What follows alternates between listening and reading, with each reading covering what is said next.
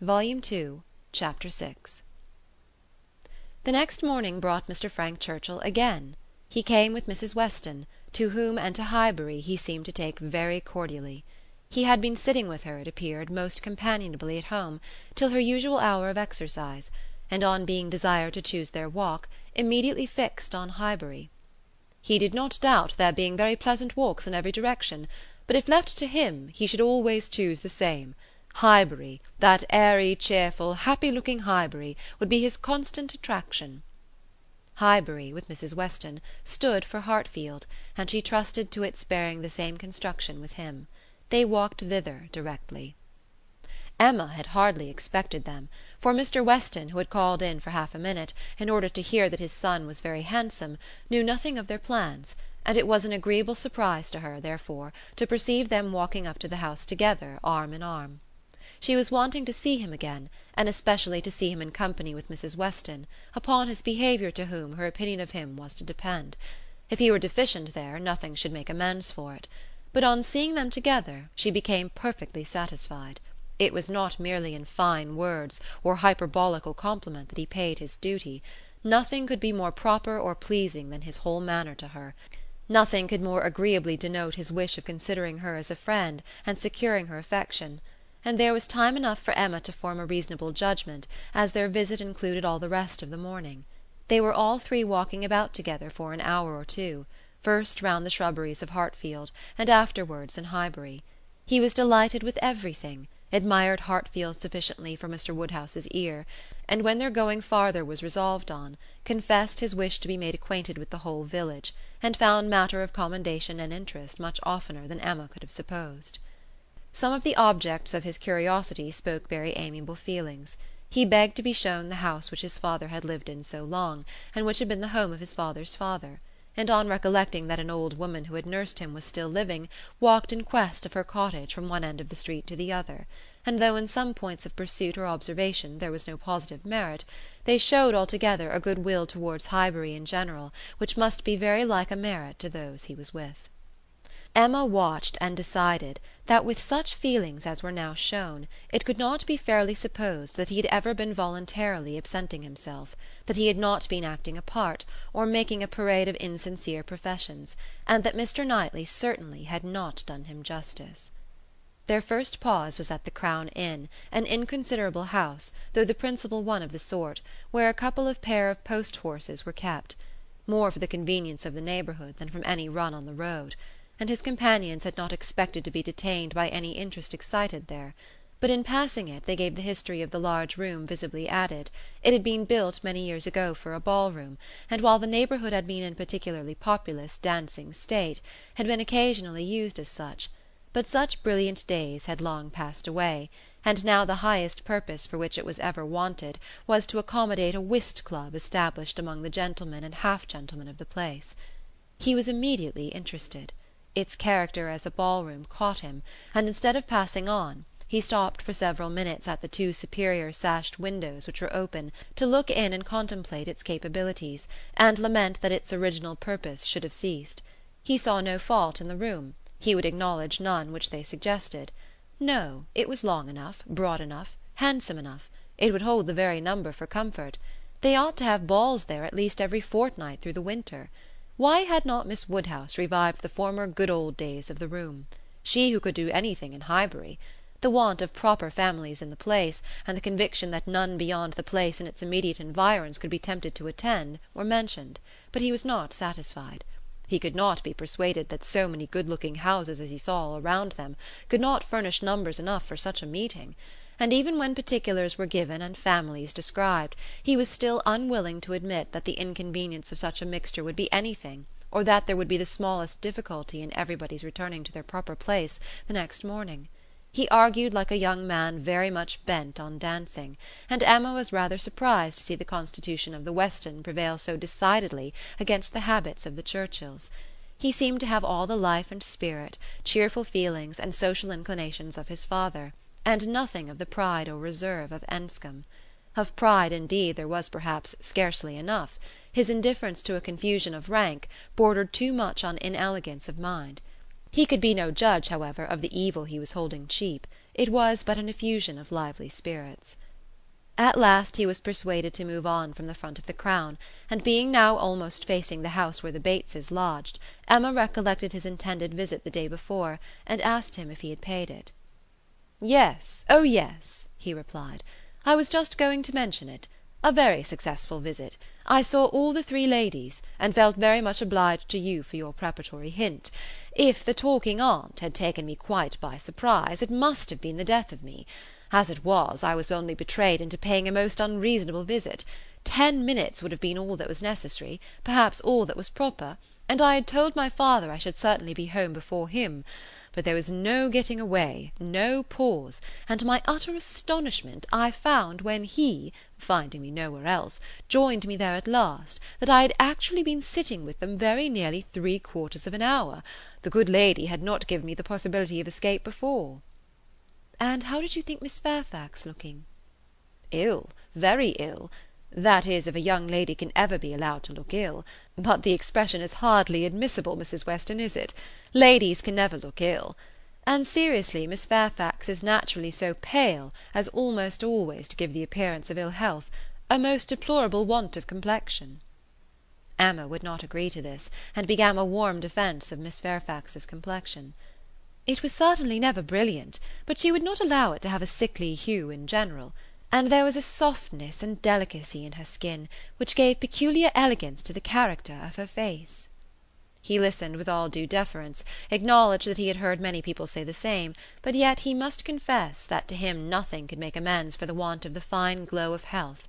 Where features were indifferent, a fine complexion gave beauty to them all, and where they were good, the effect was Fortunately he need not attempt to describe what the effect was.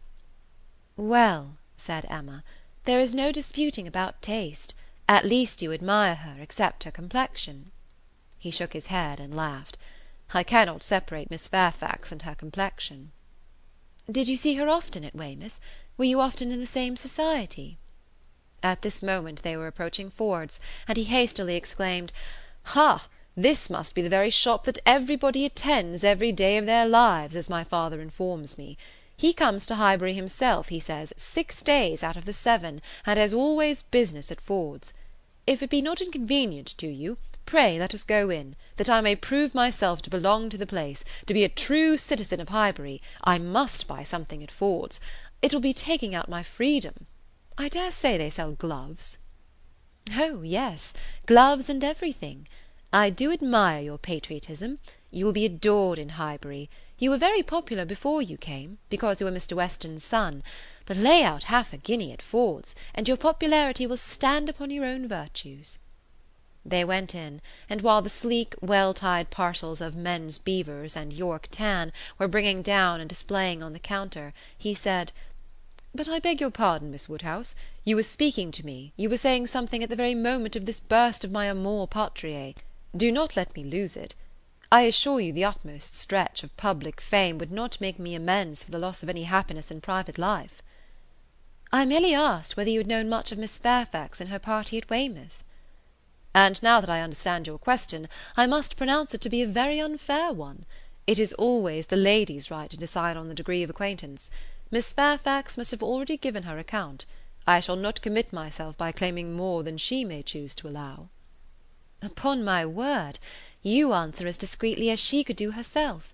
But her account of everything leaves so much to be guessed, she is so very reserved, so very unwilling to give the least information about anybody, that I really think you may say what you like of your acquaintance with her." "May I indeed? Then I will speak the truth, and nothing suits me so well. I met her frequently at Weymouth. I had known the Campbells a little in town, and at Weymouth we were very much in the same set. Colonel Campbell is a very agreeable man, and Mrs. Campbell a friendly, warm hearted woman. I like them all." "You know Miss Fairfax's situation in life, I conclude what she is destined to be?" "Yes," rather hesitatingly, "I believe I do." "You get upon delicate subjects, Emma," said Mrs. Weston, smiling. "Remember that I am here. Mr. Frank Churchill hardly knows what to say when you speak of Miss Fairfax's situation in life. I will move a little farther off." "I certainly do forget to think of her," said Emma, "as having ever been but anything but my friend and my dearest friend." He looked as if he fully understood and honoured such a sentiment. When the gloves were bought, and they had quitted the shop again, "Did you ever hear the young lady we were speaking of play?" said Frank Churchill. "Ever hear her?" repeated Emma. "You forget how much she belongs to Highbury. I have heard her every year of our lives since we both began. She plays charmingly." "You think so, do you? I wanted the opinion of some one who could really judge. She appeared to me to play well, that is, with considerable taste, but I know nothing of the matter myself. I am excessively fond of music, but without the smallest skill or right of judging of anybody's performance. I have been used to hear hers admired, and I remember one proof of her being thought to play well. A man, a very musical man, and in love with another woman, engaged to her, on the point of marriage, would yet never ask that other woman to sit down to the instrument if the lady in question could sit down instead; never seemed to like to hear one if he could hear the other. That, I thought, in a man of known musical talent, was some proof." "Proof indeed!" said Emma, highly amused. "Mr Dixon is very musical, is he? We shall know more about them all in half an hour, from you, than Miss Fairfax would have vouchsafed in half a year." "Yes, Mr Dixon and Miss Campbell were the persons, and I thought it a very strong proof." "Certainly, very strong it was to own the truth, a great deal stronger than, if I had been Miss Campbell, would have been at all agreeable to me. I could not excuse a man's having more music than love, more ear than eye, a more acute sensibility to fine sounds than to my feelings. How did Miss Campbell appear to like it?" "It was her very particular friend, you know." "Poor comfort!" said Emma, laughing. "One would rather have a stranger preferred than one's very particular friend. With a stranger it might not recur again; but the misery of having a very particular friend always at hand, to do everything better than one does oneself. Poor Mrs Dixon! Well, I am glad she has gone to settle in Ireland." "You are right. It was not very flattering to Miss Campbell, but really she did not seem to feel it." "So much the better? Or so much the worse, I do not know which. But be it sweetness or be it stupidity in her, quickness of friendship or dullness of feeling, there was one person, I think, who must have felt it Miss Fairfax herself; she must have felt the improper and dangerous distinction." "As to that, I do not Oh, do not imagine that I expect an account of Miss Fairfax's sensations from you, or from anybody else. They are known to no human being, I guess, but herself but if she continued to play whenever she was asked by Mr Dixon, one may guess what one chooses."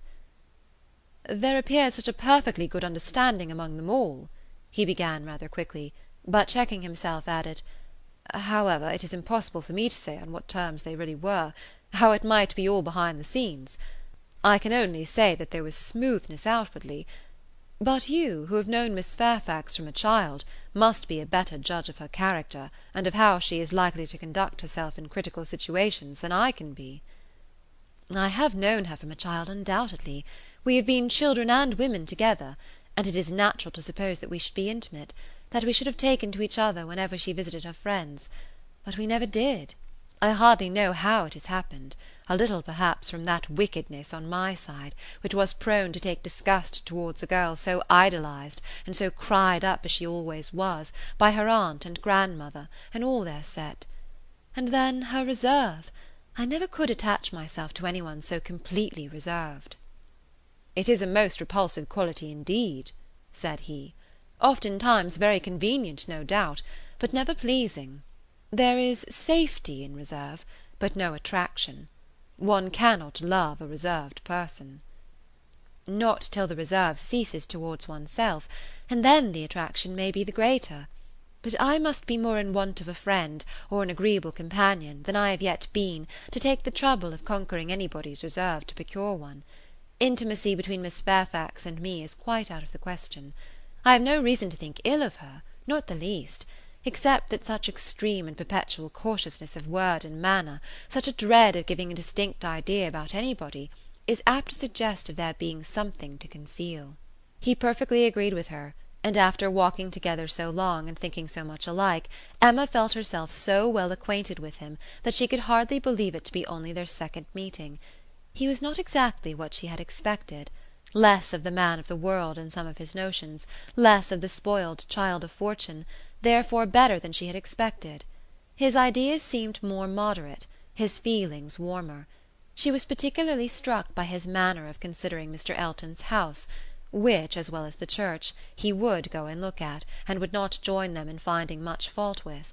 No, he could not believe it a bad house, not such a house as a man was to be pitied for having. If it were to be shared with the woman he loved, he could not think any man to be pitied for having that house. There must be ample room in it for every real comfort. The man must be a blockhead who wanted more. Mrs. Weston laughed and said he did not know what he was talking about. Used only to a large house himself, and without ever thinking how many advantages and accommodations were attached to its size, he could be no judge of the privations inevitably belonging to a small one. But Emma, in her own mind, determined that he did know what he was talking about, and that he showed a very amiable inclination to settle early in life, and to marry, from worthy motives. He might not be aware of the inroads on domestic peace to be occasioned by no housekeeper's room, or a bad butler's pantry, but no doubt he did perfectly feel that Enscombe could not make him happy, and that whenever he were attached he would willingly give up much of wealth to be allowed an early establishment.